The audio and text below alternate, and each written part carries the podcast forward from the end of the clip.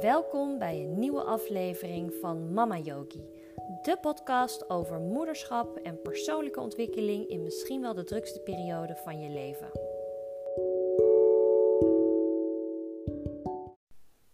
Vandaag ga ik in gesprek met Janneke Schuurman. Janneke is yogadocente en ze volgt momenteel een opleiding tot Ayurvedisch therapeut. Daarnaast is ze moeder van drie kinderen. We praten in deze aflevering over Ayurveda, wat het is, hoe je het toe kunt passen voor jezelf, maar ook voor je gezin. We praten over moederschap, hoe je dit kunt combineren met je werk. En we praten over de burn-out die Janneke heeft gehad en wat het haar gebracht heeft. Leuk dat je luistert.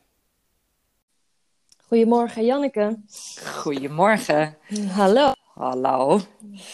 Welkom in deze uitzending. Dankjewel. Fijn dat ik Ja. er mag zijn. Ja, hartstikke leuk. Hey, ehm, voordat wij de diepte induiken. ik heb jou eh, hiervoor al apart geïntroduceerd, dus ehm, daar, eh, daar gaan we zo mee verder. Maar ik vind het wel leuk om met een soort eh, met de deur in huis vraag binnen te vallen. Ja.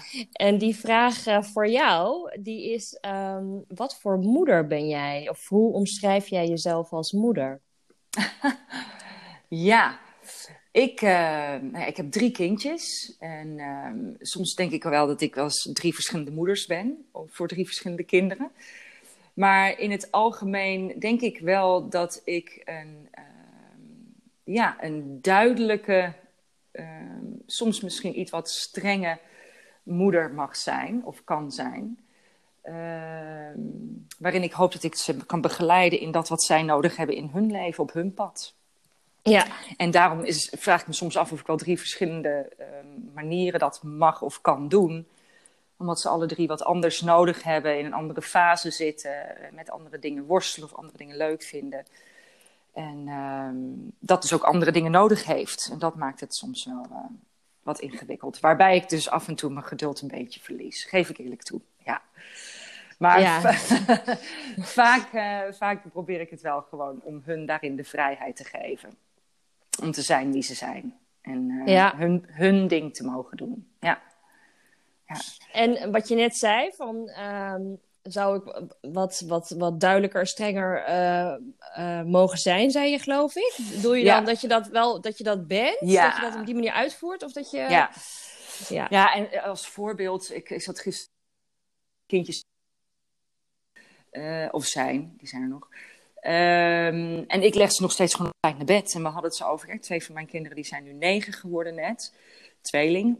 En die, eh, ja, ik, ik, ik ga dat niet heel veel later maken. Dus daarin kan je af en toe wel wat strenger zijn of zo, weet je wel. Ik denk van ja, maar goed, als je op tijd in bed ligt, ben je gewoon ook een leuke kind voor jezelf en voor de omgeving. Dus in dat soort dingen kan ik wel wat eh, streng zijn. Maar Ja. ja. Ja, verder probeer ik wel een beetje mee te bewegen met, eh, met waar zij zitten. En Ja. ja, ja dat is de, de mooie ontdekking van het moederschap. Dat dat niet altijd even goed lukt. En soms ook verrassend weer wel. Ja. Want hoe werkt dat dan bij een tweeling? Zoals je net zei van, hè, ik heb met bij ieder kind wel een soort van eigen aanpak. Maar ik kan me Ja. indenken dat het bij een tweeling ook nog wel weer extra uitdagend is. Omdat ze Ja. ja, naar elkaar kijken en vergelijken misschien. Ja, nou ja, jij weet er natuurlijk alles van. Het is, eh, ondanks dat je het niet wilt, doe je het zelf ook. Je vergelijkt ook. En eh, ze zitten nu voor het eerst, ehm, want wij zijn verhuisd in de zomer. Wij zijn naar eh, Auschwitz verhuisd, dus we wonen heerlijk hier in de bossen. Maar we zitten op een wat kleinere dorpsschool. En ehm, daar zitten ze samen in de klas voor het eerst. Tot die tijd hebben ze altijd los van elkaar gezeten. Nou ja, dan heb je het over dingen die er gebeuren. En dan dan helpen ze elkaar niet zoals je dat van een tweeling zou verwachten. Nou ja, ik had er echt met een gesprek met ze over. Ik zei, ja jongens, hè, we hebben wel echt ons best gedaan om jullie als individu te, op te voeden en, en de ruimte te geven. Maar jullie mogen ook wel als tweeling aanwezig zijn. Dat mag echt, weet je wel. Ja. En eh, ik denk dat wij daar af en toe wel heel veel de nadruk op. Ik weet niet of jij dat ook kent hoor. Dat je wel echt gelezen hebt van geef ze de ruimte. Ze zijn wie ze zelf zijn. Ze zijn niet de tweeling, weet je wel. Ehm, maar ja, dat, dat doen ze dus nog steeds heel erg. En als je een voorbeeld neemt van het naar bed gaan bijvoorbeeld. Ja, de een die, eh, die gaat in bed liggen, die leest eh, nog een Donald Duckje en besluit zelf te gaan slapen. Terwijl de andere, ja, als je die niet zegt, kom nu moet je gaan slapen, dan blijft ze doorspelen. Dus daarin hebben ze ook gewoon een andere uh, ja, ritme, een andere Ja. regelmaat, een andere interne sensor, waarbij de een gewoon heel duidelijk weet, oh, hé, hey, ik ben moe, ik ga slapen. Ja. Die ander maar door blijft rennen. En dan heb je ook hele andere gesprekken. Hè? Ja. Wat, wat, wat, wat heb je dan nodig om die rust te vinden? Terwijl ik dat bij die ander niet echt eh hoef te doen. Nee. Dus, dus dat merk je wel. En ehm, wat, ik, wat ik wel lastig vind, is dat er gewoon eh, een bepaalde structuur is waar ze natuurlijk allemaal maar in mee te gaan hebben. Allemaal in het gezin. Dus ehm, ja, ik kook niet vijf verschillende maaltijden. nee. Ik, Nee. eh, hè, dus het, Het is, is- het is gewoon weten wat de pot schaft. Ja.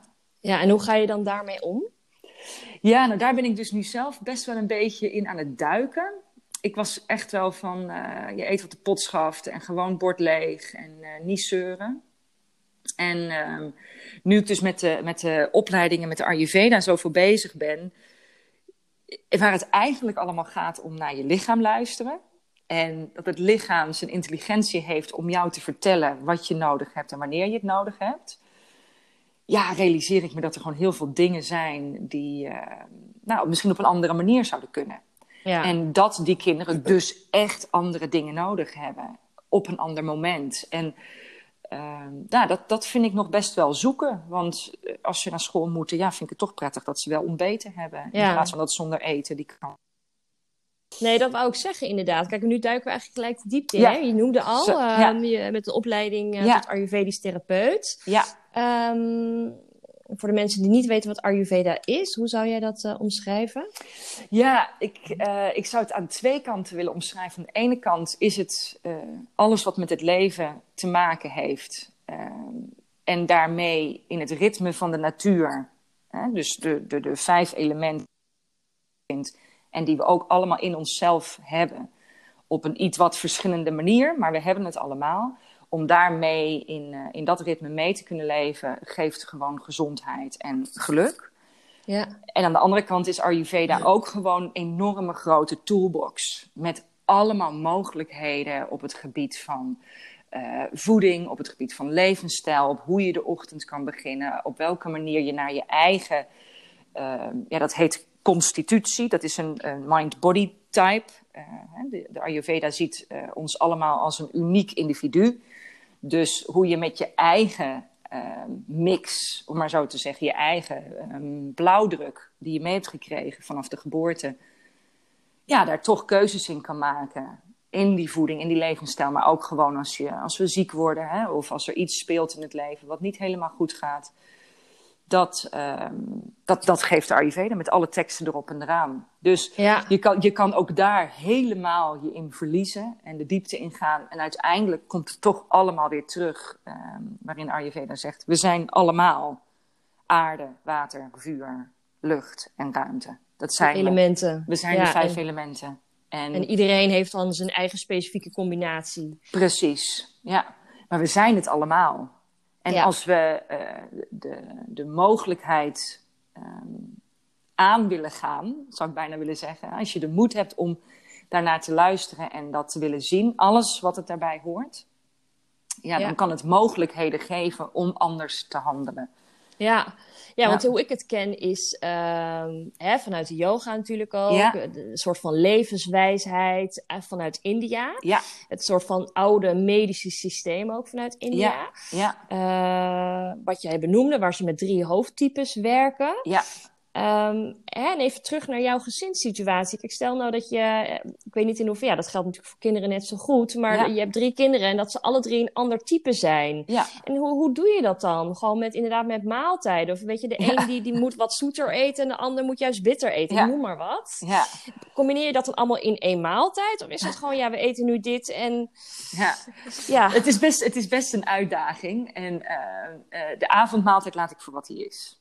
Dat, dat is wat het is. En ehm, de belangrijkste aanpassing die ik daar heb gemaakt is een hele praktische. Hè, want er, er wordt heel veel over voeding geschreven en ook over voedingsmiddelen. En voornamelijk natuurlijk hè, over hoe het destijds meer dan 5000 jaar geleden als voedingsmiddelen waren. Maar nog steeds heel actueel is op wat we nu eten en eh, consumeren. Maar er wordt ook heel erg uitgebreid geschreven over wat je niet met elkaar moet eh, combineren aan voeding. Nou, dat, dat pas ik wel in zijn algemeenheid toe. Zoals uh, ze waren uh, een soort van verslaafd aan fruit na het eten. Dus fruit als toetje, uh, zo te zeggen. En nou, Ayurveda zegt wel van, nou, dat kan je beter niet doen, want dat zorgt voor een raar gistingsproces in je lichaam. Maar dat, dat voelt ook gewoon niet lekker. Dus ja. Nou ja, dat is iets wat ik dan algemeen toepas. Ja. ja. en waar we dus heel erg zoekende zijn. Dus mocht er iemand uh, ook naar deze podcast luisteren en uh, tips hebben, dan, dan stel ik me daar heel graag voor open. Maar we zijn heel erg aan het zoeken met het ontbijt. En um, het, het, was heel simpel, iedereen hetzelfde. Een bak met yoghurt, uh, muesli gaan. En uh, ja, ik heb daar toch wel veel over geleerd dat dat zeker voor bepaalde types gewoon echt niet ja, helpt in hoe je je voelt. Ja. En uh, ik merk dat ook bij een van de kinderen, want die ligt dan gewoon s'nachts zwetend in bed. Hè? Je kan, als je iemand bijvoorbeeld, en dat heeft niet alleen met kinderen te maken, maar stel je geeft iemand een hand. Je komt iemand tegen, nou dat is überhaupt iets in deze coronatijd, wat al niet meer zoveel gebeurt. Maar stel dat we dat weer mogen doen je geeft iemand een hand, nou, dan kan je aan die hand al heel veel voelen. Is die hand warm? Is die koud? is die klammig? Is, die, is het een stevige hand? Is die droog? Precies. Hè? Dus daar zitten allemaal kwaliteiten. En die kwaliteiten um, is waardoor wij de wereld waarnemen. In onszelf en om ons heen. En in de opleiding zijn dus ook van, nou ja, stel je gaat zo'n uh, consult doen. Hè? Je bent uh, therapeut, je hebt je praktijk en je geeft iemand die hand. En dat is een gigantische zweethand in plaats van dat je denkt, oh, dat is zo en zo type, dan kan het ook zijn dat iemand gewoon elke dag yoghurt eet. dus, um, of gewoon net een enorme sloot met koffie heeft gedronken en het zweet hem uitbreekt. dus, ja, ja. En, um, verschillende oorzaken. Verschillende oorzaken, tuurlijk. Maar je hoeft er niet gelijk een, een oordeel over het type een label aan te hangen. Precies, dus dat vond ik eigenlijk wel grappig. Maar daardoor ben ik dus naar die kinderen gaan kijken. En ik, uh, ja, ik zie dat eentje eigenlijk s ochtends niet echt trek heeft, bijvoorbeeld. Ja, nou ja, dan, dan laat ik dat wat minder worden. Eentje die wil en moet zijn yoghurt. Daar zijn we dus nu echt naar het zoeken. Want om nou opnieuw brood te eten, dat vind ik het ook niet. Hè? En ja, dan, dan zijn er niet heel veel andere opties die hij lekker vindt. En, uh, en, en, mijn dochter, ja, die, die kan eigenlijk die yoghurt wel hebben. Weet je, dus ja. ook daarin zit dan dus verschil. En ja, ik weet niet, voor iedereen die uh, schoolgaande kinderen heeft, of kinderen naar de crash of uh, opvang moet brengen, ja, je hebt toch op een gegeven moment haast. Ja, ja je hebt toch die structuur waarin je, je in mee moet. Precies. En ja, ja, ja, dat was ook mijn volgende vraag. Van, hè, Wat je net benoemde, wat Ayurveda is. En eh, hè, vanuit de natuur. En wat heb je nodig en wanneer heb je trek. En wat wil je dan eten. En, Maar ja, hoe, hoe pas je dat toe met een, met een gezin met jonge kinderen. Waarin je maar een structuur ook te volgen hebt. Ja, ja, ik, ik, heb, ik probeer wel uh, erover te vertellen. Daar begint het een beetje mee. Hè? Dus uh, ik heb gisteren bijvoorbeeld een hele leuke workshop gegeven. En dat ging voornamelijk over voeding. En uh, daar, daar, vertel ik ook over. En dan vertel ik ook over bijvoorbeeld grappen die ik dan zelf heel grappig vond of zo. Weet je wel, dat soort flauwe dingen. Maar die gaan ook wel ook over eten. En daar ben ik wel ook recepten aan het maken hier thuis. En dingen aan het uitproberen. En um, ja, daar, je, je biedt het wat dat betreft aan. Ja. Ja, want in hoeverre kook jij anders? Wil kook je nog wel eens gewoon een, een pan macaroni? Of ja, ja, zeker. Ja. En, en uh, het beeld van Ayurvedisch eten. Nou, toevallig heb ik dus van het weekend uh, een volledige Ayurvedische maaltijd gemaakt. Dus daar kan je echt bij voorstellen. Dat zijn allemaal van die kleine bakjes. Hè, met allemaal ditjes en datjes. Ik ben om twee uur s middags begonnen. Dat kwam ook omdat ik daar zin in had. En uh, mijn zus was hier. Dus nou ja, leuk, gezellig. En um, uh, dan eten de kinderen daar wel van mee, wat een beetje. Maar dan heb ik voor hun ook wat anders gemaakt. Dus dan heb je wel een hele volle tafel met meerdere maaltijden. En uh, verder kan je de, de, de ideeën over Ayurvedisch eten gewoon toepassen op maaltijden die meer gangbaar zijn hier. Je hoeft ze niet elke avond curry voor te scheppen. Of Hè, de, uh, nee. Koriander is nou niet per definitie iets wat echt dat iedereen... heel lekker vinden. Nee, precies. Maar je kan wel nadenken over, oh ja, hoe is de maaltijd opgebouwd? En uh, ja, dingen die ik misschien vanuit mijn opvoeding mee heb gekregen, hoe ik over voeding denk, dat ik dat wel anders zou willen doen. Dat je op een andere manier over je maaltijd na kan denken. Ja. Ja. En ehm, nou, dat, dat, en ja, mijn vriend die zei ook van ja, misschien moeten we het gewoon in gesprek met ze samen doen. Hè? Dus, dus, en vooral die oudste twee dan. Hè? Van ja, jongens, hoe, hoe, hoe zullen we dat doen in die ochtend en tijdens de lunch? Dat het niet alleen maar boterhammen met kaas zijn. Dus, ja, dus dat je ze echt bij betrekt. En, ja, ja. ja, de vraag ook bij hun neerlegt. Van waar ja. Misschien... En dat vind ik soms wel ingewikkeld. Hè? Waar, waarin zijn ze kind en waarin kunnen ze dat aangeven? Dat ze dat toch uh, zelf goed weten. Hè? Of willen ze toch gewoon die boterham met uh, pindakaas of uh, chocopasta? Hè? Dat dat uiteindelijk toch het leukste is. Ja, dus daar, daar zit ik zelf heel erg nu um, in, een, in een soort van ontdekkingsreis met ze. En dat is soms leuk en soms ook niet. heel eerlijk. Ja, nee, ja. tuurlijk, dat snap ik. Ja. ja. ja. En ja, ik kan me ook indenken wat je net zei. Als, je, als je dat echt wil volgen, het kost veel tijd. Ik weet niet waar je dan je boodschappen... Hè? Kun je dat allemaal dan gewoon bij de supermarkt? Of ja, moet je dan een eigen moestuin hebben? Of... Nee, is... absoluut niet. Nou ja, het is wel heel erg leuk, want sinds wij hier verhuisd zijn... ben ik wel... Ik, ben heel, ik heb helemaal geen groene vingers. Maar ik krijg bijvoorbeeld ook uh, kruidengeneeskunde. Hè? Dus ik leer van alles over kruiden. Nou, natuurlijk ook de kruiden die namen hebben die we niet kennen. Of in ieder geval die ik niet kende hier uh, voordat ik aan de opleiding begon. Maar ook gewoon degene die je hier in de tuin zou kunnen zetten. He, zoals een koriander is ook niet meer een vreemde etende bijt in de meeste keukens. Of nee. gewoon je peterselie of je rozemarijn of je tijm. He, dat heeft ook allemaal impact op je lijf. En um, wat ik het mooie vind aan Ayurveda is dat ze wel zeggen van... He, probeer um, uh, zoveel mogelijk whole foods te eten. Dus niet geprocessed, niet al in een pakje, niet in een zakje. Hè? Dus dat je weet dat het ergens vandaan is gekomen. En het is nog zo grotendeels in die vorm als dat het daar gemaakt of ja, gegroeid puur. is. Puur. Ja. Ja. En uh, als je dat doet vanuit lokale producten, zal de natuur je geven wat je nodig hebt. Want je leeft in het ritme met de natuur. Dus als de natuur je uh, zoete appels geeft, zou het ook kunnen zijn dat we die zoete smaak op dat moment ook nodig hebben. Ja. Terwijl als er nu bladgroente groeit, is dat iets wat we nodig zouden kunnen hebben. Nou, ja. Ja. ik dol enthousiast aan de, aan de slag natuurlijk hier met die tuin, want ik heb een tuin. en uh, er is een gedeelte wat gewoon vast, uh, vaste begroeiing is. En dat heb ik uh, volgens het concept van de eetbare bostuin gedaan. En het eetbare bostuin is ook het idee, is permacultuur is ook het idee dat de natuur zichzelf gaat regelen. Dus daar zitten ook allemaal eetbare planten in, dat doe ik nog niet veel maar wel drie moestuinbakken. En daar ben ik heel enthousiast aan de slag gegaan met een enorme hoeveelheid sla.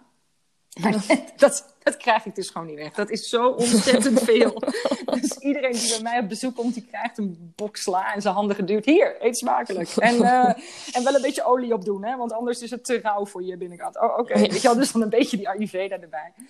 Maar uh, nee, dus ja, je kan lekker met de moestuin aan de slag. Maar het hoeft echt niet. En nee. uh, hè, als je een goede groenteafdeling hebt. Eigenlijk is dat wel belangrijk. Ayurveda zegt niet dat ze vegetarisch zijn.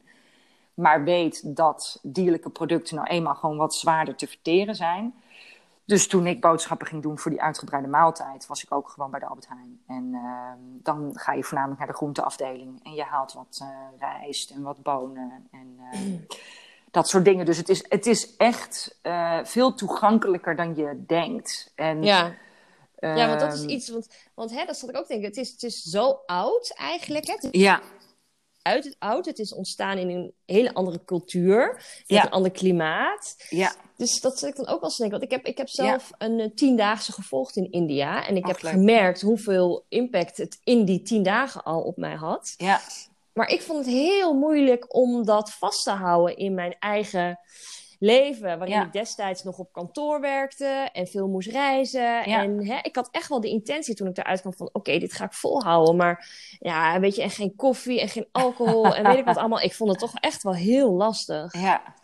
Nou, en, en ja, een van de dames die gisteren in mijn workshop zat, die zei het heel mooi. Want eh, die, die, en dat is het mooie van de online wereld, die zat in Ierland. En die had ik nog nooit gezien. Dus eh, na de workshop klets ik nog even na met haar via Zoom. En eh, toen zei ze van, ja, Ayurveda voelt soms zo overweldigend. En er is zoveel en, en er moet zoveel. En er zijn lijstjes en dingen. En ehm, voor mij ook, en zeker dit afgelopen jaar... eh, ehm, je kan het als een to-do-list zien.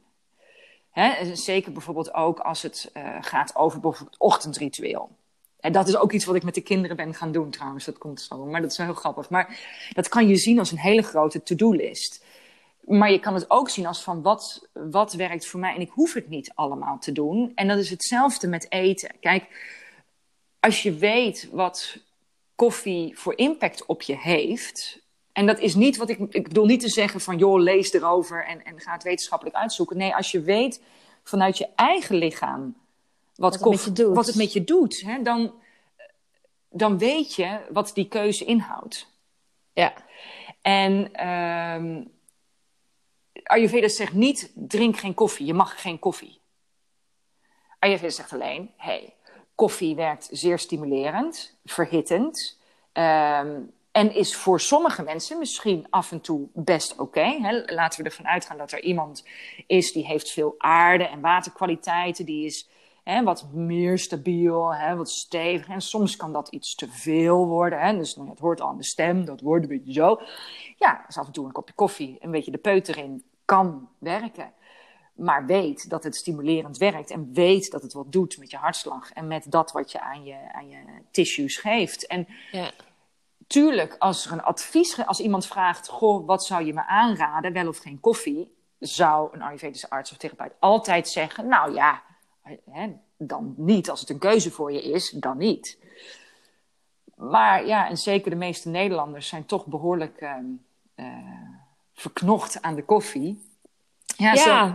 En, en dan is het een. een en, en, ik moet heel eerlijk zeggen, dus, dus voor mezelf. En uh, ik heb net een, uh, een, een, kopje op. Ja. ja. en, toch en wel. Hij, en hij ja. smaakte heerlijk. Ja. En, uh, en dat, dat moet ook kunnen. En dat, dat vind ik het mooie eraan, is dat.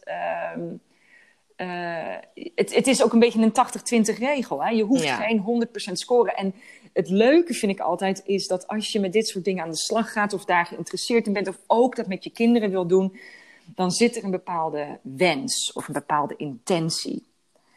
En in plaats dat je kijkt naar uh, wat je als actie handelt, zou je ook naar die intentie of naar die wens kunnen kijken. Want dat vertelt al zoveel over jezelf. Ja, wat hè, voor dus, uitkomst je zou willen, ja. Ja, als je bijvoorbeeld als iemand voor een doel gaat... Hè, en ik wil per se ah, tata, tata, hè, tanden op elkaar, kom op, ik kan dit.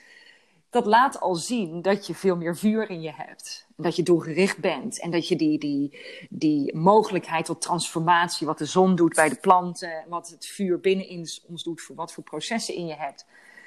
Uh, als je Ayurveda wil toepassen uh, bij jezelf of bij je kinderen voor meer rust, hè, voor meer kalmte in het leven.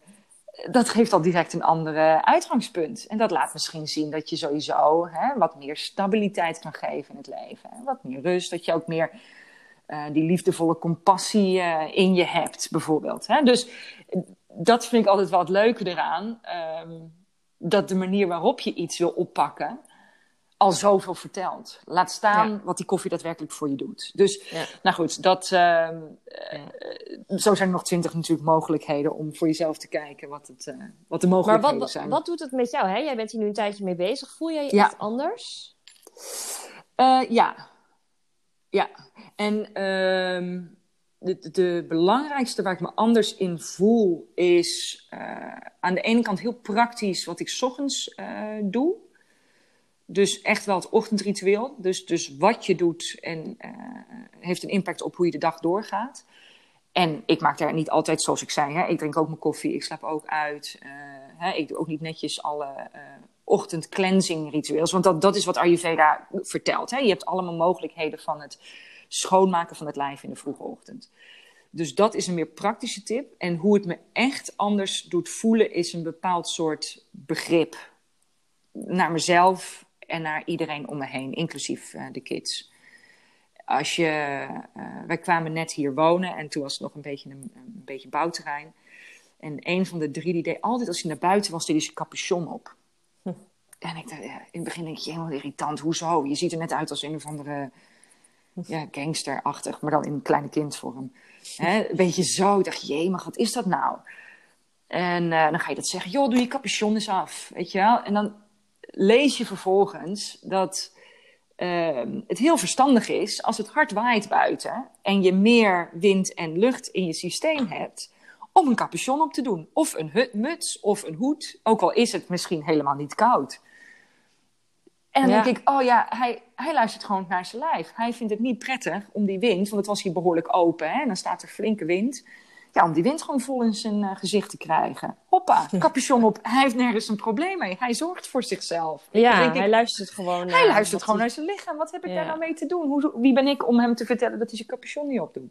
Nou, Ja. dus eh, dat als eh, eh, voorbeeld dat, dat een ontzettend groot verschil maakt. In Maar is het dan ook zo dat, hè, dat, dat, dat kinderen, dat je als kind luister je daar dus naar, naar de natuur en hè, Ja. wat je, ja, wa- wat je Ja. krijgt. Ja. En dat je op een gegeven moment door eh, misschien wel je opvoeding en alles wat je hier leert in de maatschappij, dat dat langzaamaan een beetje verliest. Dat gevoel heb ik wel, ja. ja. En ehm, eh, ze, zijn, ze zijn gewoon nog veel puurder. En weet je, uiteindelijk, we krijgen allemaal eh, extra brillen op. Hè? eh, Wat het lastig maakt om echt goed te luisteren. Ja. En ehm, ik denk dat op het moment dat je geboren wordt, zijn we gezond. We zijn in balans. De Ayurveda gaat ervan uit dat we in essentie eh, zelfhelende capaciteiten hebben. Maar ja, dan gaan we leven en er gebeurt van alles. En eh, zeker natuurlijk in de maatschappij en, en, en zeker dit jaar waar we nu zitten. Ja, er wordt een hele hoop eh, opgegooid en gedaan. Ja, daar zijn we allemaal mee uit balans. En uit balans is dus niet vanuit een plek van oordeel, maar vanuit een plek van begrip. Ehm, waarin die kinderen toch behoorlijk goed, denk ik, mee kunnen bewegen met hun eigen eh, gevoelens daarin. En ehm, dat misschien nog intuïtiever kunnen doen. Ik, ik denk dat dat misschien het woord is. Intuïtiever en daar directer eh, verbinding mee kunnen maken dan ja, als je gewoon al wat jaren verder bent. En Ja. ehm, dat is ook per kind weer anders. Hè? Iedereen zit daar natuurlijk ook eh, anders in elkaar. Maar dat denk ik wel. Maar als je bijvoorbeeld kijkt terug naar die, die, die mind-body types. Hè, die zijn niet alleen anders in, in ieder van ons, dus in jou en in mij. Hè, is het al anders. Ook al zijn we misschien, zoals we het eerder hadden besproken, allebei een beetje meer vuur. Zijn wij toch allebei een beetje anders vuur. Ja. En ehm, eh, dat heb je ook in de dag, dat heb je ook in de seizoenen en dat heb je ook in je hele leven. Dus kinderen zitten in een wat eh, op, nou, het is gewoon een opbouwende fase. Dat lichaam moet nog helemaal uitgebouwd worden. Hè? De basis is er. Maar de reden waarom zij bijvoorbeeld ook eh, liever zoet willen, is omdat zoet van de zes smaken is de meest bouwende smaak van het lichaam. En dat hebben ze gewoon nodig. Maar En- wat bedoel je daarmee, bouwende? Eh, het opbouwen, dus eh, zoet, zout en zuur, zijn echt, dus daarmee, als je het hebt, daarmee kom je aan. Daarmee kan je spiermassa kweken, daar kan je Oh, mee. zo, hè? Dus ja. op die manier echt Dan groei je echt letterlijk. Ja, letterlijk groeien. Terwijl eh, scherp en bitter en wrang zijn meer, hè, dat het lichaam weer wat af mag nemen. Dat zijn weer schrapende smaken. En ehm, de kinderen zitten in, het, in de eerste fase gewoon in een opbouwfase. Dus die zullen ook op die manier handelen. ja. Ja. En willen eten. En ja. willen eten. En eh, willen leren en willen ontdekken. Dus om jezelf op. Nou ja, ik wou, ze- ik wou middelbare leeftijd zeggen. Maar dat klinkt toch een beetje bejaard. Ehm, nou ja, de leeftijd waar jij en ik zitten. Dat is een hele andere tijd.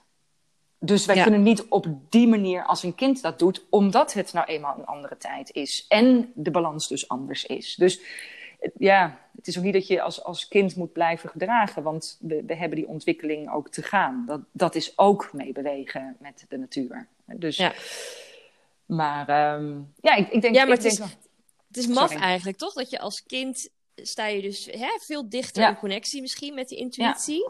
ja, En dat je dat op een gegeven moment verliest. En dan op, op dat er een punt in je leven komt dat je daar weer naar op zoek bent. Of dat je daar Ja. weer meer Naar contact terug mee wil. wil. Ja, ja. Ja, ja. Een, een soort van golf. zo'n maffe reis. Ja. Ja. ja, Want zie je dat bij jouw kinderen nu? Ik bedoel, die, die, die, de tweeling is natuurlijk nog heel jong.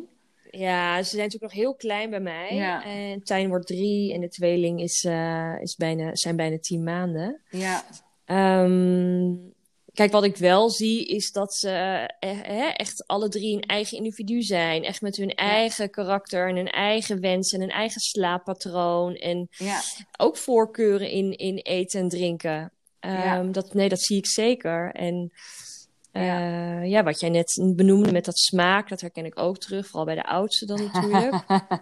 ja. Waar eten sowieso best wel een ding is. Hè? Daar moeten we echt wel uh, aandacht aan besteden. Want anders eet hij bij wijze van spreken niks de hele dag. ja. ja. dus, um, ja, dus dat, dat merk ik wel. Maar ik kan nog niet... Uh... Nee, ik krijg natuurlijk nog niet heel veel feedback op. Nee, nee ze kan nog niet uh, hele vol, vol zinnen. Uh, nee, maar wel, wel echt vooral met het, dat ze hun eigen slaapritme hebben en hun eigen ja. voorkeuren wel van, van eten en, en ook smaak. Hè? Vooral bij de ja. tweeling zie ik dat. Ja. Wat, wat de een wel lekker vindt, vindt de ander niet lekker. Ik en de Jille vindt komkommer heel lekker. Nou vindt Mats echt oh, niet grappig. lekker. Grappig, dus hè? ja, dat, dat zit er al wel in. Ja. Ja. ja. Want ja, want ja, sorry, wat wou je zeggen? Nou ja, dat, en, en toch zeg ik dan hier allemaal, hier allemaal paprika eten. Oh ja, ja. Snap je? Dus, hè, en, en dan, ja, toevallig vinden ze alle drie paprika lekker. Maar dat, weet je, dat is over dat soort... Hè, het, zit, het zit hem ook in dat soort kleine dingen. Ik, ik vind dat toch bijster machtig. Hè? Dat, uh, ja, de een dat misschien wel een keer heeft aangegeven. Maar ja, goed, oké, we eten nou eenmaal komkommer hier. Dus ik eet wel komkommer. En dat, ik weet niet, het is, het is gewoon grappig hoe dat uh, uh, ja. in beweging is. En dus ook weer kan veranderen. Dat ja. ook, ja. ja. Nou ja, dat wat je zegt, kan ook veranderen, ja. Ja, ja. volledig. Hey, want jij zei net, je hebt een tweeling, nou die zijn inmiddels negen. Ja. En dan heb je een zoontje van zeven? Zes. Zes, Zes. Ja. ja. ja. Ja. Dus in mijn ogen ben jij echt al een doorgewinterde moeder. hoe, uh, hoe, kijk jij terug? Het is al een tijd geleden, maar hoe kijk ja. jij terug naar dat eerste jaar dat je moeder werd, werd. was? Ja. Ja, ja, um, ja, het is gewoon overleven. Zo, zo kijk ik er wel naar terug. En um, overleven en ook machtig. Um, mijn ouders die zijn begonnen om fotoboeken te maken van elk jaar van dat leven. Nou, ik heb nu voor de negende verjaardag heb ik jaar twee gekregen. Dus dan zie je al die foto's. Nou, dan pak je jaar één er ook bij. Is echt heel erg machtig. Is een prachtig cadeau ook om te krijgen. Ja, heel maar mooi. ik werd er ook wel weer emotioneel van. Want um, ja, er gebeurt zoveel in zo'n korte periode. En zeker als je uh, in het ziekenhuis begint, wat helaas voor ons uh, de situatie was met de tweeling. En uh, dan, ja, dan is het toch wel een, een, een, een enorme alertheid die er is. Een extreme alertheid, waarbij je gevraagd wordt of waarbij je vanuit je gevoel handelt. Hè? Dus als je bij een huisarts komt of zo, dat het is van ja, vertel jij wat jij denkt dat goed is. Hè? Dat wordt je gevraagd als moeder, want ja, jij bent dag en nacht bij het kind. Ja. Uh, dus uh, ik, ik vond dat wel heel spannend. Als ik nu iemand zie met een, met een kleintje, dan... Hè, sommige moeders hebben heel erg zoiets zo van... Oh, kan die wacht zo nog wel een keer? Weet je, dat, dat, dat heb ik dus niet. En dat heb ik ook nooit gehad, moet ik heel eerlijk zeggen. Dus ik vond het ook echt heel tof dat ze dingen weer dat ze dingen gingen kunnen. Dat rollen ja. en dat zitten en gezichtsuitdrukkingen en lachen. En dat, dat vond ik machtig. En, ja. um, en aan de andere kant heb ik nog zoveel levendige herinneringen, ook juist van dat eerste jaar. Juist al die, die momenten die je. Uh, ja, echt, die momenten die niet per definitie um, de grote momenten zijn. Niet de verjaardag of niet uh, de vakantie of dat soort dingen. Hè? Maar meer gewoon de voeding die je s'nachts om drie uur doet. En dat het dan donker is en dan helemaal rustig. En dat je dan de ene moet pakken en de ander. En dat Bob dan met de een op zijn buik en dan moet de andere, dan moet je wisselen. En uh, weet je wel, dat soort momentjes, ja, die, die koester ik ook. En um, daar moet ik af en toe ook nog wel aan terugdenken. Ja. En um, het is ook dat ik heel blij was om weer aan het werk te gaan. Ja, want hoe, hoe ja. snel na de bevalling ben jij weer aan het werk gegaan? Ik ben volgens mij gewoon een normale zwangerschapsverlof. Ik heb daar verder toen niks aangeplakt. En toen ben ik, uh, ben ik gewoon weer uh, fulltime aan het werk gegaan. Dus toen gingen ze naar de opvang. Ja. En um, ja, achteraf uh, gezien denk ik dat ik dat anders had willen doen. Maar hey, je, je maakt de beslissingen zoals je denkt dat ze dan goed zijn. Ja.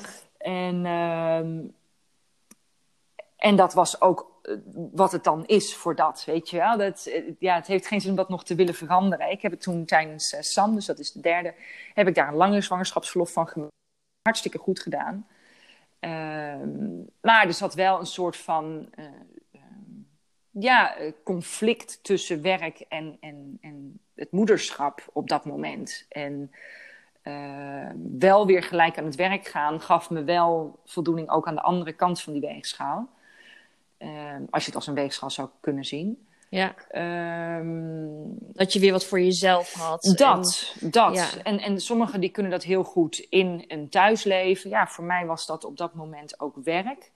En uh, ik bleef wel nog behoorlijk lang borstvoeding geven. Dus ik heb heel veel uh, in, in een kamertje op het werk gezeten. Met flesjes en weet ik veel wat ik allemaal heb gedaan. In een koelkast en maar hopen dat niet een andere moeder het per ongeluk meeneemt. En nou ja, al dat soort uh, ongein.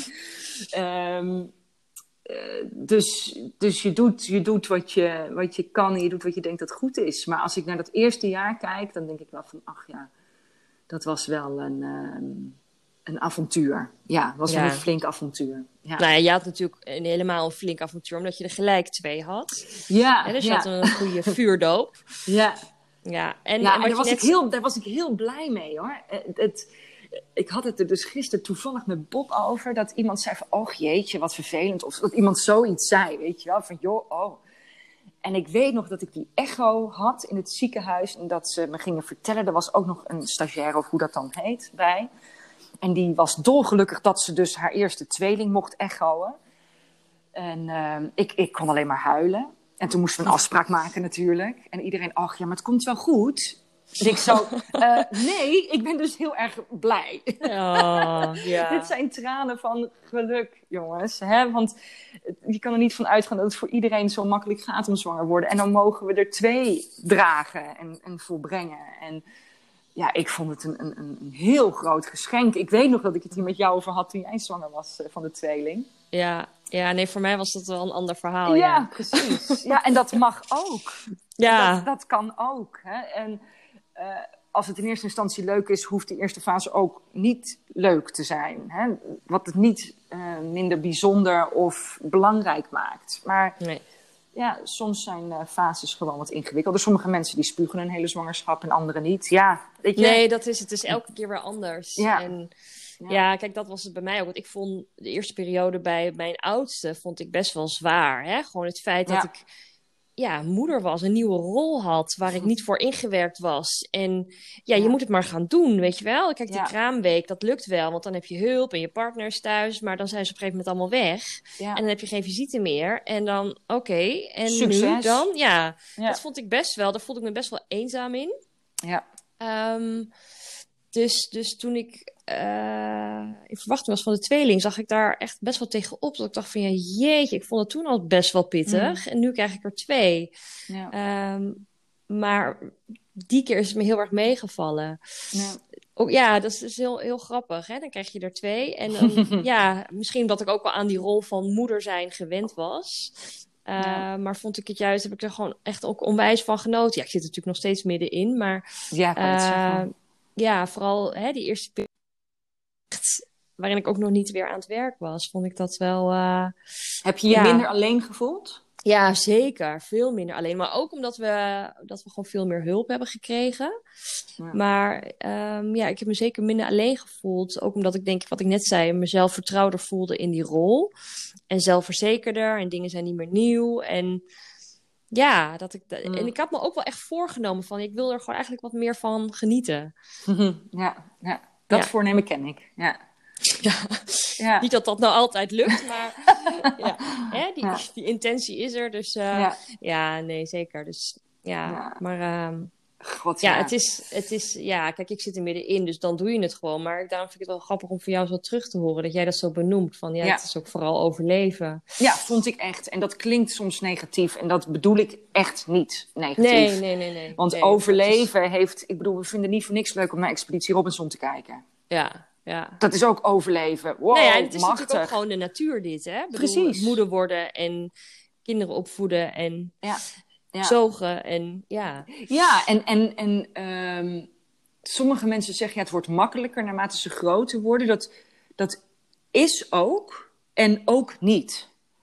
Ehm, het, het wordt gewoon anders. En Ja. ehm, ja, ik denk ook wel dat ik met het moeder worden ook toegang heb gekregen tot een hele hoop emoties die tot dan toe niet zo aanwezig waren in mijn leven. Hè? Zoals bijvoorbeeld angst of uh, ja, daadwerkelijke zorgen voor een ander. En, en ehm, ja, gewoon echt ja, wil dat die ander dus gewoon gelukkig is in zijn leven. En ja. Ehm, dat verandert natuurlijk naarmate ze groter worden. Maar gaan ze gewoon andere dingen meemaken. Er zijn er andere zorgen, zijn er andere verdriet, er andere uh, situaties waar ze in terechtkomen. En um, ja, dan, dan is het een hele andere zoektocht van waar geef je ze de vrijheid, waar niet. Uh, wat, wat laat je ze zelf oplossen, waar ga je je lekker mee bemoeien. Doe ik ook hoor, af en toe. Ja, ja. ja. Dus um, ja, en wat het, het blijft net... een avontuur. Ja. Ja, en wat je net zei, dat je bij jouw, uh, ja, ik wou zeggen tweede, maar dat is dus eigenlijk ja. de derde. Ja, ja. zo zeg ik het zelf ook af en toe. Denk ik, ja, oh nee. het voelt dan als een tweede, maar het is natuurlijk de derde. Um, wat, misschien een wat bewustere keuze hebt gemaakt om dus langer verlof te nemen. Ja. En um, dat, ja, dat was dus een bewuste keuze, dat heb je toen... Ja, ja en ik dacht ook, kijk... Um, je hebt zo'n zinnetje, hè? Je, je, je leeft niet om te werken, maar je werkt om te leven. Ja. En, en dan zeggen we altijd, ja, klopt, check, hop, vinkje. En ik heb daar toch behoorlijk lang over gedaan om dat echt, dat, dat echt te vinden. Ja. Want ik, ik, dat kan je wel zeggen en daar dan mee eens zijn, maar om dat echt in je vezels te vinden, uh, dat, is, dat, dat was voor mij best wel een zoektocht. En uh, zeker als je moeder wordt tijdens een fulltime baan waar je ook veel voor reist. En hè, in, in, een, in, een, uh, in een flinke druk en een hoge drukketel, hoe zeg je het? Hoge druk? Nou ja, ja. dat, hoge drukpan. dat. In een hoge drukpan uh, uh, werkt. Dan is kinderen die hun eigen tempo hebben. En waar het tempo gewoon per definitie niet te versnellen is. Hè, dat, dat is best, vond ik best wel een contrast. En ehm, ja, met Sam eh, ik vond, het, ik vond het echt een cadeautje. Een cadeautje om met hem op het terras te zitten. Dat, dat heb ik nooit heel erg gedaan met die tweeling. Want dan was er altijd één wakker of één niet. Of hè, dat soort dingen. Um, dus ik, ik had ook echt zin om wat langer gewoon met hem um, die eerste fase mee te kunnen maken. En dat is een van de beslissingen geweest. Of een van de dingen die ik heb gedaan. Sommige dingen doe je natuurlijk niet heel bewust als een beslissing. Maar om om die shift echt te maken dat het, het leven zoveel meer is dan je werk. En um, dat ook eh, als je werk niet zo'n grote rol speelt, je, nou ja, waardevol bent. Hè? Dat, je, dat je het waard bent. Dat je niet maar een, een persoon bent op deze wereld die even mee mag lopen. Ja, dat, in, in, in essentie doen we dat allemaal op dezelfde manier. Of je nou wel of niet een, uh, een uh, hoge functie ergens in een binnenbedrijf hebt. Dus ja ja, dat was met, uh, met uh, Sam. En dat, dat was ook fijn, ook voor Luc en Isa, ook voor de tweeling natuurlijk. Want die, zaten ja. toen, die waren toen twee, dus dan, ja, dan ben je gewoon echt wel um, drie onder de drie. Ja, dan ben je gewoon meer aanwezig. Ja. Ja, ja. ja. ja. Want, uh, hè, want waar jij net op doelde ook, jij werkte ja. eerder uh, bij Nike. Daar had je een, uh, een baan, geloof ik, in de marketing, weet ik niet zeker. Ja, ja klopt. Um, en um, daar ben je op een gegeven moment uitgevallen omdat je een burn-out had. Ja. ja. En toen waren de kindjes ook nog klein. Ja, toen. Uh, ik, ik, ik, weet ook nog heel erg dat ik na Sam ook dacht van... ja, ik heb mijn lijf weer terug. Papa, ik ga ervoor. He, dus volledig in de voeding ook gedoken op een andere manier dan dat ik het nu doe. Hoor. En dan ook lekker werken en hoppa, dit kan ik. Weet je wel, wel een beetje superwoman-achtige vibes. En, um, en dat, dat ging gewoon op een gegeven moment niet meer. En je hoort uh, burn-out verhalen waar mensen met een enorme ruzie of een enorme clash eruit vliegen. Bij mij is gewoon op een gegeven moment het kaarsje uitgegaan en ik kon niet meer. En uh, dat was gewoon op een vrijdagmiddag. En in plaats van vijf uur ging ik om drie uur naar huis. Ik weet nog tegen mijn collega zei van, uh, dit is het doei. ik, ben, ik ben gegaan. Je, en je voelde dat, het, dat dit... Dat dit was het. Van, ja. Dit was het. Ik kan niet meer. En dat je niet maandag ik... terug zou komen, zeg maar. Ja, ik dacht, dit, dit, er, is, er is nu even echt helemaal niks meer. En uh, geen, niet eens een reservepot, echt gewoon zwaar in de min. Maar voelde je en, dat aankomen? Of was dat dat er... Ja, het is een beetje dubbel. Het is... Um, je zit sowieso al in een, een, een gedachtepatroon van: hé, hey, hoe gaan we dit doen? Hè, het, het, het, gezin, en niet alleen omdat het met het gezin is, maar is deze plek nog wel voor mij? Want ik zat in die laatste baan, daar was ik uh, soort van ingezet. Dat, dat klinkt raar als je nooit in zo'n soort bedrijf hebt gewerkt, maar soms werkt het nou eenmaal gewoon zo dat je niet altijd hè, op de banen zit die je wil, maar soms ergens komt. Ja. En dat was gewoon niet mijn plek. Ehm, en dat in combinatie met een soort van hyperactiviteit. Hè? Dat, dat, dat dat vuur ook te hard gaat branden en eigenlijk alles opbrandt. Uh, zorgt ervoor dat je dan dus eigenlijk helemaal niks meer kan op een gegeven moment. En ik heb toen, uh, nou, ik had niet gedacht, nu kom ik niet meer naar het werk. Ik ben toen volgens mij nog wel die maandag nog even geweest om spullen te halen, om even met mijn manager te praten, zoiets. Uh, maar elke keer als ik bij de arboarts zat, ging ik daar wel heen met de intentie, nu gaan we bespreken hoe ik weer aan het werk kan. En ja. dat soort koppigheid, ehm, dat heeft mij niet geholpen in het proces, zeker niet in het begin. En ik had echt, ik, nog steeds ben ik haar heel erg dankbaar. Dat is echt de meest machtige arboarts die ik, en zeker omdat ik daarna ook in de consultancywereld ook nog in die wereld terecht ben gekomen. Maar die vrouw was voor mij echt wel heel belangrijk en die heeft ook telkens gezegd van, um, hè, zo dat, dat acceptatieproces duurt vaak ook het langste en is het moeilijkste. Op het moment dat je daar over een bepaald soort hubbel bent en zegt: Oké, dit, dit gaat inderdaad niet meer, dan kan je werken aan je herstel. Maar dat, dat, ja, die fase duurde gewoon best een beetje lang bij mij. Dus ik heb gewoon een, uh, ja, ik heb een jaar thuis gezeten. Echt, uh, en, en ontzettend veel hulp voor de kinderen in moeten roepen. Uh, omdat ik zelf aan de ene kant gewoon te emotioneel was. En uh, ik, ik, kon het, ik, ik, kon het geluid bijvoorbeeld ook helemaal niet aan. Hè? En kinderen maken nou eenmaal gewoon geluid. Ja, dat, ja. dat hoort erbij. En ik heb met oordoppen ingeleefd een tijd. En, dus dat, dat was wel een, een, ja, een, een, een, een, wat lastigere periode. En dat, dat weten de tweeling zeker nog wel heel levendig. Die weten Want die waren toen, was. hoe oud? Ja, dus ik denk, we hadden het net over, hè, dus vier jaar geleden, dus, zijn nu, net, dus toen waren ze vier, vijf, zoiets. Ja, ja, die, ja. die weten dat nog wel een beetje hoor. Ja. ja.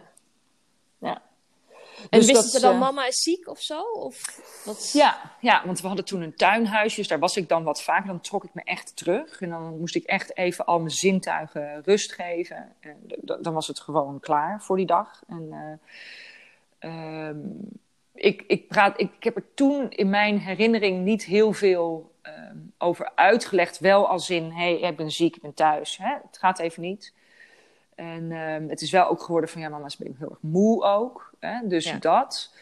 Uh, en dan ging Bob ook met ze op pad om, om eventjes uh, rust te geven thuis. Dus dat, dat is wel, wel een hele zware periode. En denk ik ook juist ook voor Bob geweest.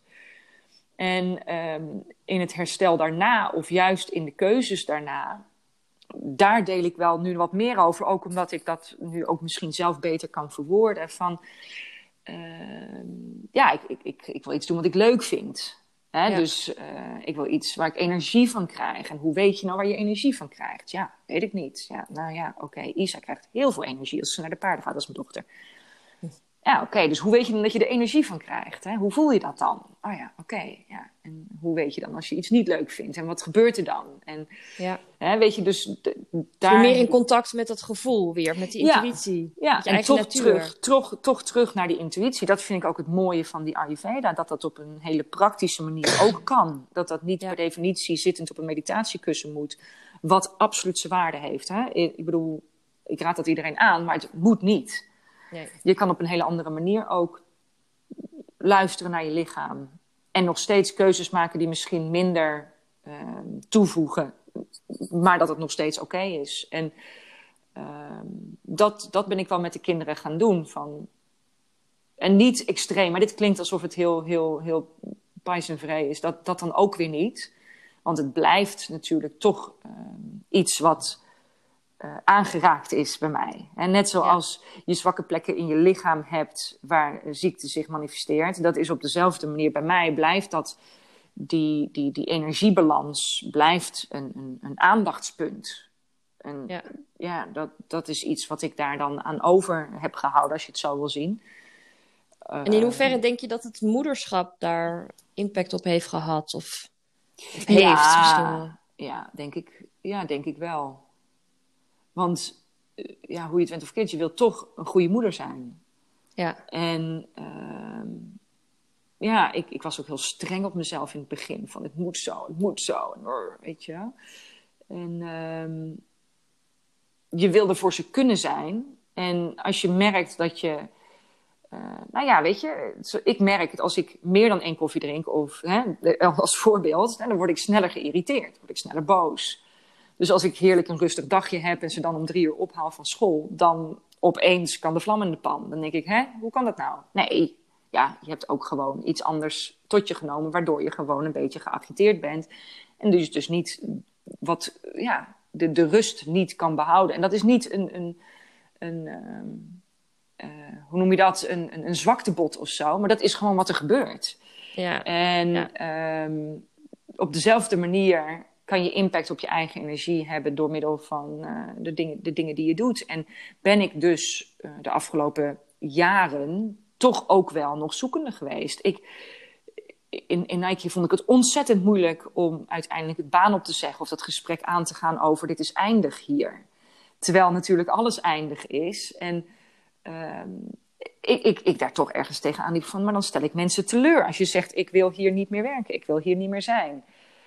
Terwijl dat juist dat nee zeggen uh, ontzettend veel kracht geeft. Want ja, dan, dan, dan kan je tijd maken voor iets anders. En ja, dat, dat heb ik wel moeten doen de afgelopen jaren. Dan ga je toch weer een pad in. En denk je, nee, nee, nee, dat was het toch ook niet. Nee, maar wel dingen uitproberen. Maar en... wel dingen uitproberen, ja. ja. Ja. ja. want jij bent uh, yogadocent geworden. Ja. Daar heb je opleidingen ja. voor gedaan. Ja. Uh, hè, dat, dat ben je nog steeds, je geeft ja. les. Ja. En nu daarnaast doe je dan die opleiding tot Ayurvedisch therapeut. Ja, ja. ja klopt. Ja. Ja. En ik heb in de tussentijd heb ik uh, de, uh, de, leiding gegeven aan een yogaschool. En heb ik als consultant gewerkt binnen een, ja, een, een arbodienst, maar die het echt anders doet. Dus ze noemden zichzelf destijds ook de andere arbodienst. Dus dat was wat, wat inhoud betreft echt wel een goede match. Uh, maar uiteindelijk paste het niet en uh, ging ik verhuizen hierheen. En uh, ja, ook dan is het dus oké om andere keuzes te maken. En uh, dat heeft dat hele proces me wel gegeven. Is dat wat je nu oké okay vindt, hoeft morgen echt niet nog steeds zo te zijn. En ik, als ik terugdenk aan mezelf tien jaar geleden, vond ik niks irritanter als mensen die de ene week dit vonden, de andere week dat. Kijk, je moet niet. Ik dacht van, hoezo kan je nou niet blijven bij wat je vindt? Hè, daar werd ik echt, dat, dat snapte ik ook echt oprecht niet. Maar um, daar geef ik mezelf nu wel wat meer vrijheid in. Ja. ja.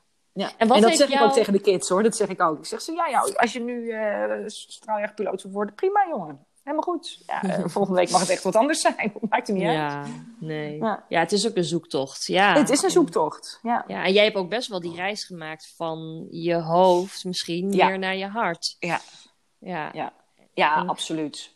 Ja, en wat dus heeft jou geholpen als je nu terugkijkt op die hele reis? Vanaf het moment dat je hè, nou, bij, bij Nike misschien bent gestopt. En wat heeft jou nou heel erg geholpen om, ja, om dat pad te vinden? Of die connectie met je intuïtie, met je hart, of hoe je het ook wilt noemen. Ja, ja uiteindelijk dat hetgene wat het uh, meeste impact het toch heeft gemaakt, denk ik, uh, de yoga. Ja. ja. En, en hoe verre dan? En hoe heeft dat... Nou, ik, ik, ik liep op dat moment ook nog bij een haptotherapeut. En voor degenen die dat niet kennen, dus dat is uh, een, een, ja, een, een, manier om ook verbinding met je lichaam te maken. En, uh, uh, gelijk op. Het feit, dat vind ik nog steeds het mooie, ook als ik zelf lesgeef, het feit dat je staat op je mat dat je daar bent. Dat je je hele gewicht in je voeten voelt. Dat je niet alleen de onderkant van je voet met de mat, maar verder dan dat. Dat je kan staan. Dat je je eigen stevigheid kan ervaren. En tegelijkertijd op hetzelfde moment ook een bepaald soort licht en openheid kan vinden dat heb, ik, ja, dat heb ik echt ervaren. Want je hebt die ruimte nodig om alles er te laten zijn. En um, ja, dat, dat stuk weerstand waar ik toch natuurlijk in zat. En dat is de weerstand tegen uh, wat je voelt en daar naar willen luisteren, denk ik. Um, ja, dat, dat, dat ook die weerstand dan, dan maar mee te nemen in het hele gebeuren. Uh, ik heb zelfs echt, uh, hè, ik geef nu yoga les, hè, maar ik heb zelfs een aantal jaren geleden ook gegoogeld naar uh, yoga zonder downward dog. En voor degenen die niet weten wat dat is, dat is die, dat is die piramidehouding met die billen omhoog en handen en voeten op de mat.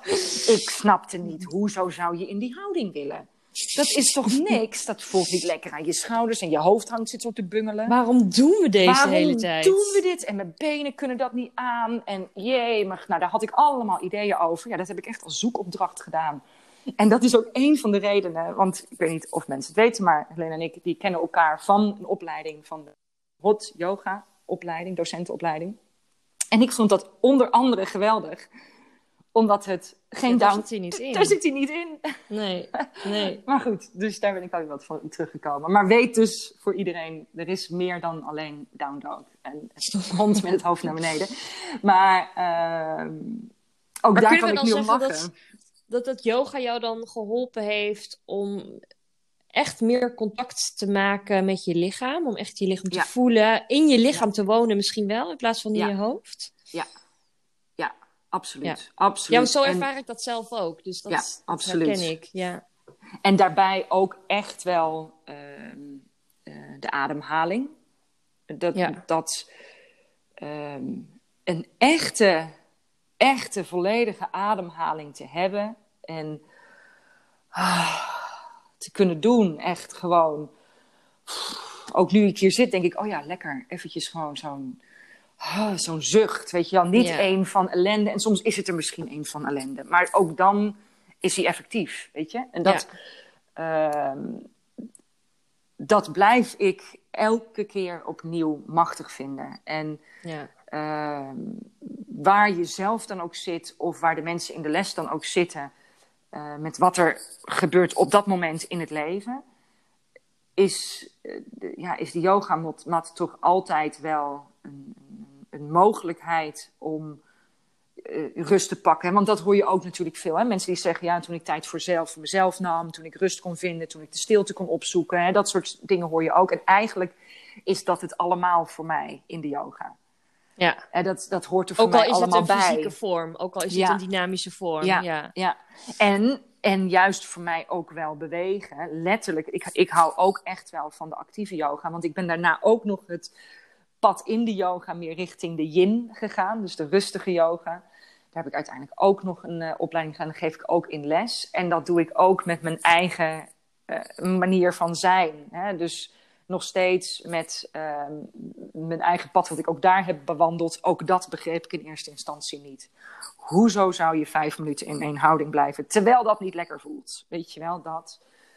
Ehm, dus ja, bij mij begon het wel echt met de beweging. Gewoon echt door middel van het bewegen. En niet zoals ik het gewend was van de sport, het, de grens opzoeken en, en, en, en tot het gaatje gaan. Maar ja, bewegen binnen je lijf en, en, en eh, ruimte ervaren. Dat, Ja. ruimte. Echt, zonder ruimte kan er niks zijn. En ook dat leer ik nu weer in de Ayurveda. En dat vind ik gewoon ehm, ja, heel fijn. Dat, dat, dat Ja. heeft me echt geholpen, dat, dat er ruimte mag zijn. Ja, Ja, mooi. Ja. ja. heel mooi.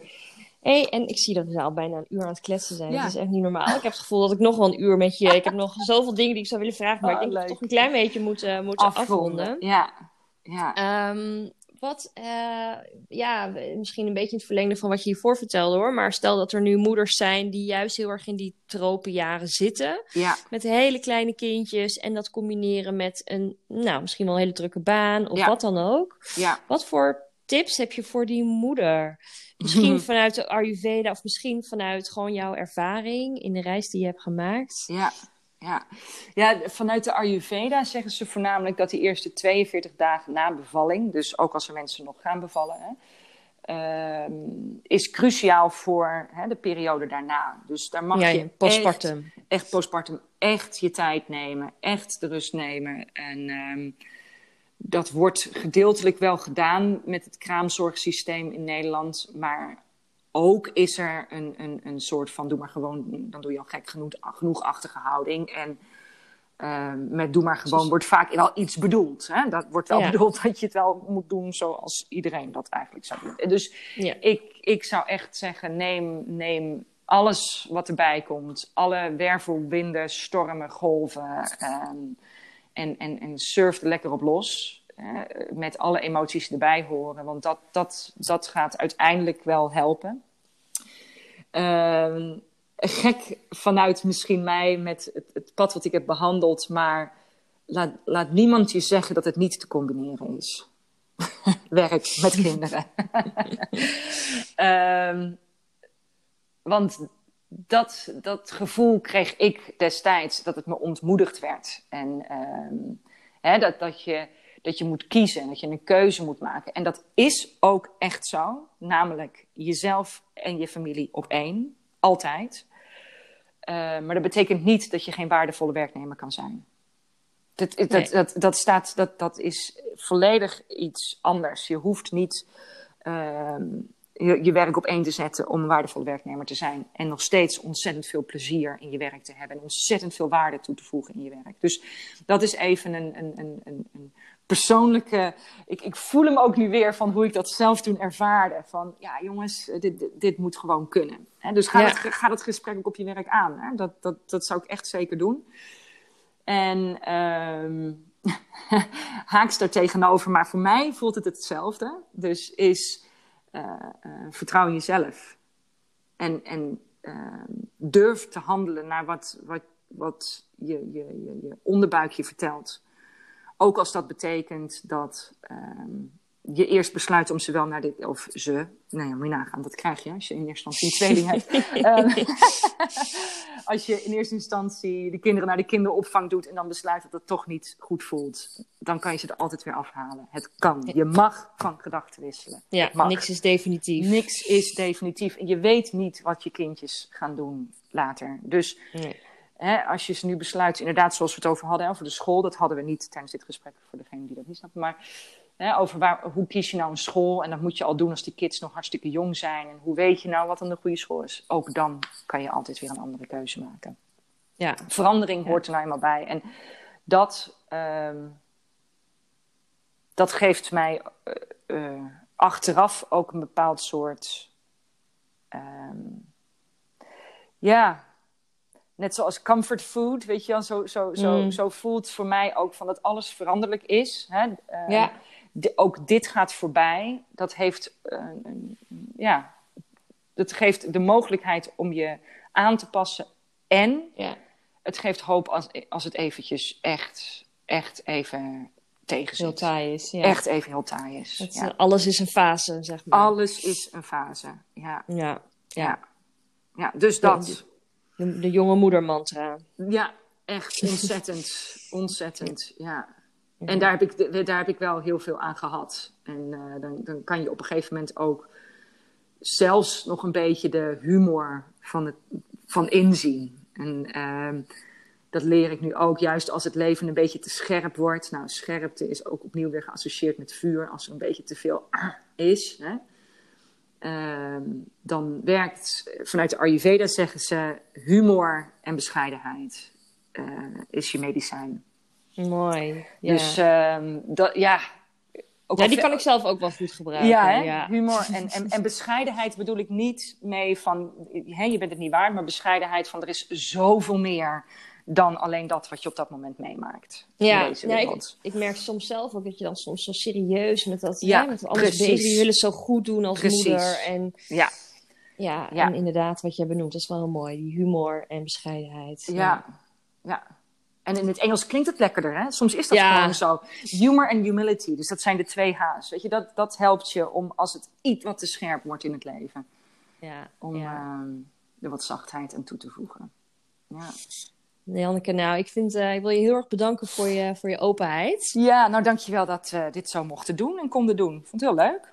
Ja, ik ook. En ehm, nou, heel veel succes met alles waar je mee bezig bent. Dankjewel. Want je bent bezig met die opleiding. Ja. En hè, uiteindelijk eh, ga je daar waarschijnlijk een Ja. praktijk in oprichten. Ja, exact. Dat is misschien nog wel ehm, hè, voor mensen die luisteren. We hebben het vooral dat eerste stukje over Ayurveda gehad. Als Ja. mensen daar nou meer informatie over willen hebben. Of weten wat voor types ze zijn. Of waar, waar kunnen ze dan terecht? Nou ja, ik vind zelf, als je gewoon algemeen Ayurveda en ook de manier waarop dat hier nu naar het Westen is gekomen zou willen eh, kijken, dan is er gewoon een documentaire die je zou kunnen kijken. Die heet The Doctor from India. En die gaat over meneer Vasant Lat. En eh, dat is een schrijver van veel boeken, maar ook ehm, iemand uit India die hier eh, nu mensen ook aan het opleiden is. Hij zit in Mexico, maar nog steeds, eh, ook hier in Amsterdam, waar ik die opleiding doe, krijg ik ontzettend veel vanuit hem ehm, over Ayurveda en het leven in het algemeen. Dus dat is meer algemeen. En een hele goede ehm, quiz, want zo heet dat dan toch vaak. Hè? Als je online gaat zoeken naar die mind-body types, dan vind je vaak van dat soort testjes. Nou, sommige beter dan andere. Weet dat het niet bedoeld is als label, maar als een mogelijkheid tot ehm, begrip voor jezelf. Hè? Dus ehm, ik mag geen rode peper, want ik ben pitta, want ik heb vuur. Dat, dat is niet zoals het bedoeld is. Dus dat wil ik er wel even bij zeggen.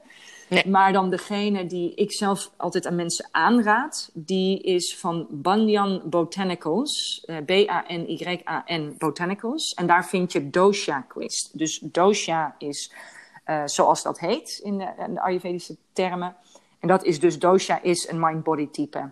En ehm, daar kan je het invullen en dan vertelt het je wat meer over je huidige disbalans. En je kan er ook heel veel vinden over voeding en over hoe je daar eventueel weer balans in zou kunnen vinden. Dus dat vind ik zelf altijd een hele fijne quiz om te doen. Nou, super. Nou, Ja. heel erg bedankt voor het delen. Graag gedaan, graag gedaan. En dan wens ik jou een hele mooie dag. Jij ook. Jij ook. Oké. Dankjewel, Helene. Heel graag gedaan. Doei. Doei.